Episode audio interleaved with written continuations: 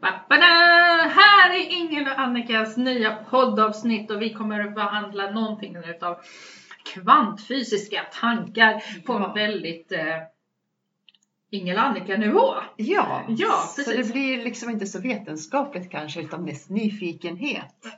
Så kan det vara.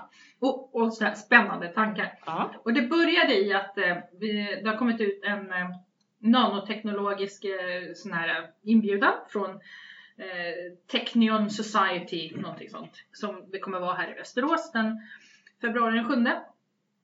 Eh, och eh, det var ju rätt roligt när man började läsa om de här. Förlåt, Ingela, ska du säga något? Ja, nej, det är helt okej. Vi fortsätter lyssna på det. Jag, jag övar mig i att vara tyst och inte säga humma, humma, humma, ja. Den är bra, den är bra. Jag kanske ska öva på att vara tyst generellt. Kör. Men det var det ju jag. Vi var, vi, innan det här avsnittet så började vi ju lite och jag var helt på gång. Nu måste vi berätta om det här. Alltså vi har liksom bara dragit igång.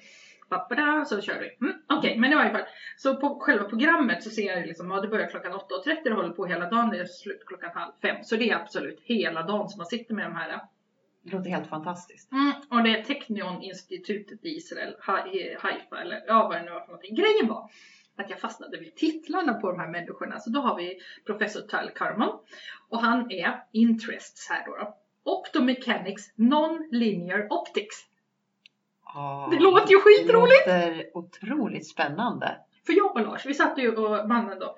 Vi började ju fundera på hur det här är förflytta sig. För vi var och tittade på Åkesta och tittade på observatorierna och tittade på stjärnor Ja, och vi så ska ju några veckor. Ja. Ja, Mm. det är jätteroligt. ja. Och, och ehm, där är det varf.se för de som vill åka till observatoriet i Åkesta. varf.se. Och då, då expanderar ju universum hela tiden. Och frågan är hur vi kan ta oss någonstans. Och om man nu fysiskt ska flytta en sak från höger till vänster så måste den ju färdas då från höger till vänster. Mm. Ehm, och vågor och ljud och fysiska materier måste ju flyttas så att säga. Mm. Så det här traditionella sättet, nu, nu, nu, apropå non-linear optics, och, och vad är det man flyttar då i de här, och så håller jag på med fiberkablar då. Eh, Det här är snudd på vad vi sa förr. Alltså hundra idéer, försöka hålla en tanke. Ja. Eh, Det här avsnittet No filter, där Ja. kan vi gå in och lyssna på den biten. Men i Mm. varje fall, när man ska förflytta saker, så vad är det som händer? Jo, om man nu skulle förflytta ljus i ljusvågor, så förflyttar sig fortfarande ljuset. Här Framåt, liksom. Ja. men vad händer om man etablerar en kontakt med ljus? Kan du då använda ljuset som bärare för någonting annat?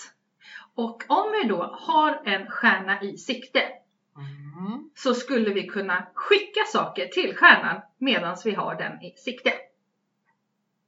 Oj, det här lät ju spännande. Och då kommer jag in på det här med li-fi. Du vet ju vad wifi är? Ja, precis. Vi kopplar upp oss på radiovågor upp nätet och såna grejer. Ja. Ja, men det finns ju Li-fi. faktiskt li-fi. Det är att man kopplar upp sig via ljuset. Typ att en bil snackar med nästa bil i sina lampor när man är så här nära varandra. Ja, är det det som händer när, när, de, när en bil automatiskt bländar av av sig själv? När den ser en annan eh, Nej? Nej, det är inte nej det. det, är, det är en detektor. Okej. Och då är det liksom avel på att det Aha. kommer ett ljus eller inte. Okej. Den här uh, li-fi, då skickar man information i ljuset. Så mina headlights, äh, äh, framljus, Ja. de går ju till eh, bakljusen på bilen framför. Och då kan jag fråga i ljuset då, det bakljusen där liksom, Ja. hallå?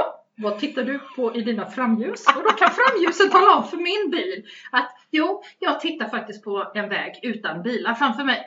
Och då, då vet jag liksom att det är fritt fram att köra om i dimma till exempel. Ja. En annan grej är att man kan ladda telefonen i ljuset. Tänk att liksom bara ha en lampa så bara pjong, så sticker du fram telefonen och så laddar du den. Det här låter ju häftigt. Men, då alltså, flyttar vi andra här- saker ja. i ljus. Men är det här någon speciell våglängd man, man snackar om? Speciell Åh, vad du är praktisk. på ljuset då? då eller? Det är det säkert. Därför jag bara tänker liksom, det vore ju lite så konstigt om Alltså, det måste ju finnas någonting i ljuset då som kan bära på den här informationen. Alltså, Ja. hur liksom pillrar man in de här sakerna i de här ljusvågorna då? Mm. Undrar jag. Mm. Hur, Vad är det alltså- för bärare? Ja, vad är det för Ja, bärare? och där fastnade Lars ungefär. ja. Och det är sant. Och Ja. jag vill ju ha datan i ljuset och han funderar på. Det, så är det. Men en annan jätteintressant sak är här nere när de har tagit eh, med en mile emellan, det är väl 1,6 kilometer, vad är det för någonting, så har de flyttat på en positron, elektron eller vad det nu är för någonting. Och så flyttar sig en annan precis likadant.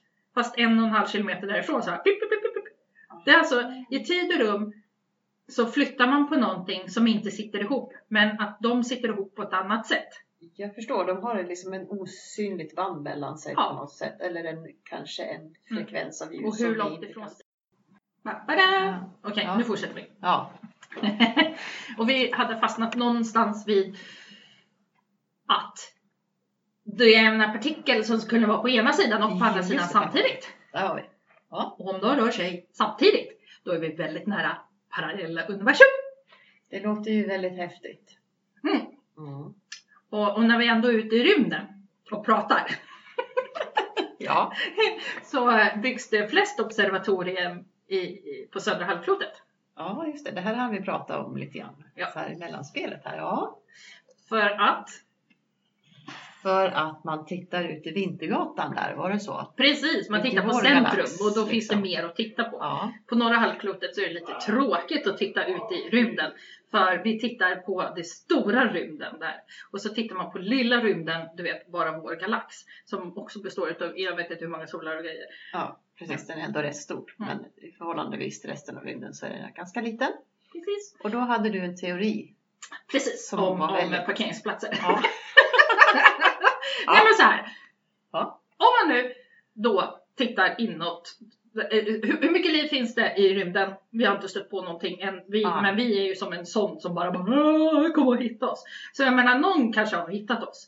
Eh, och folk säger att de ser ufon. Och var säger de att de ser ufon flest gånger? Eh, då, då tycker jag att det kanske händer på norra halvklotet. Jag gick in på sån här ufo-sida och kollade. jag var tvungen. Ja, min, min webbhistorik är lite udda. Eh, Normalt. helt normalt. Nej men det är så här. Ja. Så, eh, då har vi då liksom den här lilla, lilla galaxen Vintergatan som ligger i stora, stora universum. Mm. Eh, och sen har vi då några jordbor som sitter och tittar eh, ännu mera navelskådning in i galaxen. Ja. Och var kommer de flesta andra ifrån? Jo, de kommer ju utifrån den stora rymden. Om man nu liksom, nu, nu mot mikrofonen här då.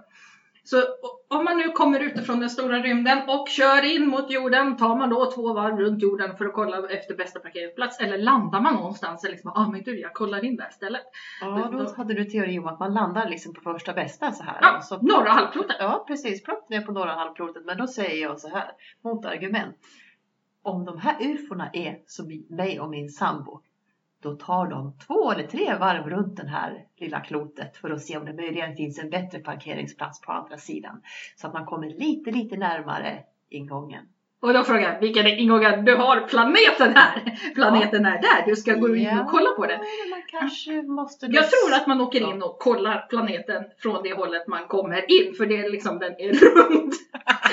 Finns det en bättre ingång någon annanstans än där det kanske det kommer kan in? det göra, det vet man inte. Okej, okej. Då går jag till härifrån. Varför har bilar hjul? För att det rullar.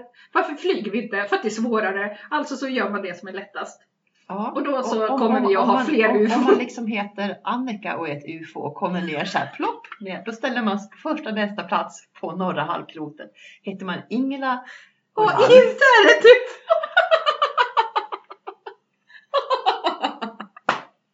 Jag dör!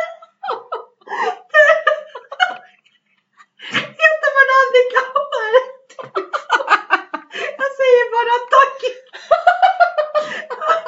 Och vi har ju en sån här ljudprovning, alltså det här lär ju bli... Ja, men alltså om man, om man säger så här då. Om, om man är liksom Ingela och Ralf, alltså så här Baltasar, eh, du vet professor Baltasar som tänkte och tänkte och tänkte i en evighet. Om man är liksom den varianten av ett UFO. Då tar man minst två varv för att kanske se om, om man eventuellt kanske ska landa. Eller om det kanske kan vara farligt att landa på den här planeten. Och då skickar man prover istället. Ja, precis. Så skickar man ner någon som liksom tittar efter om det, om det liksom... Och det är därför vi har pyramider lite här och där på hela jordklotet. Och inte bara på ett ställe. Ja, det är så det är. Det, det var, Ja. inte, var inte maya-indianerna de här som byggde. Nej men det, är alltså, det är ju Egypten, Maya och i Kina eller något sånt som är Ja. samtidigt. Och det är inte så att de åkte runt till varandra och sa att hej, nu ska vi bygga pyramider. Utan de tror ju att det kommer någon annanstans ifrån. Okej, nu vet vi vad det är. Det var Ingela och Ralf, ufon, som åkte runt och ploppade ner små prover för att liksom sondera terrängen innan de slutligen parkerade på norra halvklotet. Men det här är... Det skulle ju handla om kvantfysik.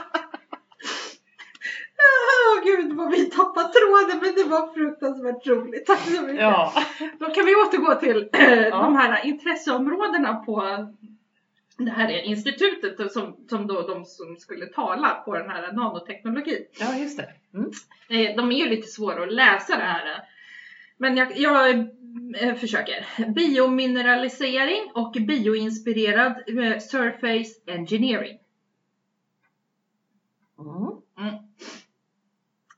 Och sen så har vi condensed matter physics, physics of quantum computation and information.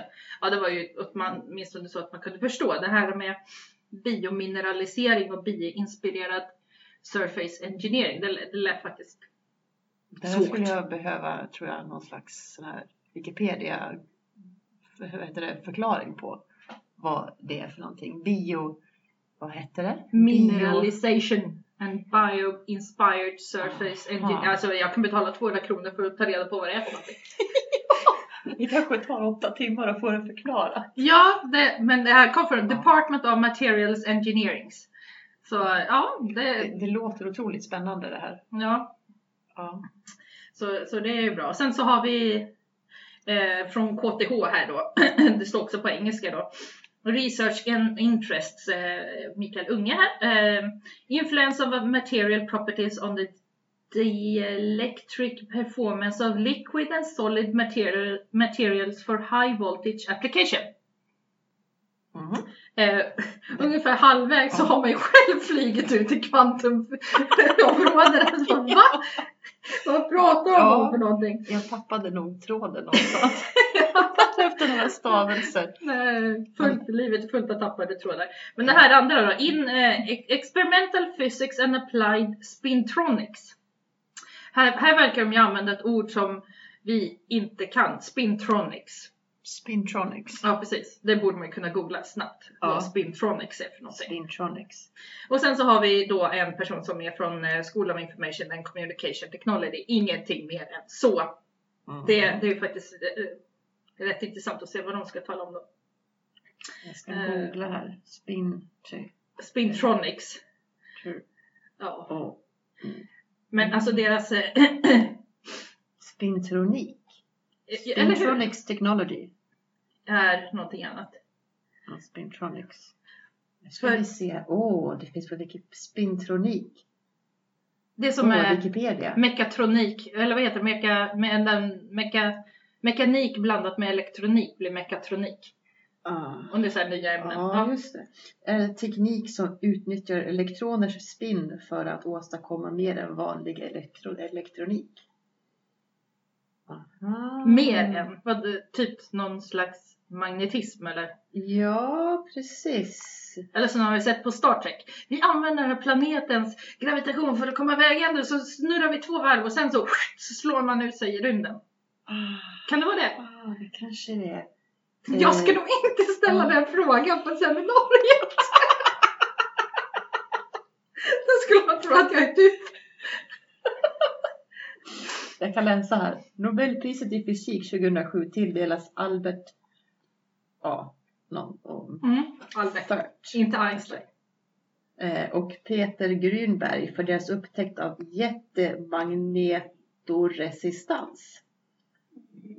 Oh, resistans. av jättemagnetorresistans. Man kan googla vidare på den. Ja. Eh, tillämpningar av detta fenomen har revolutionerat tekniken att läsa information från hårddiskar.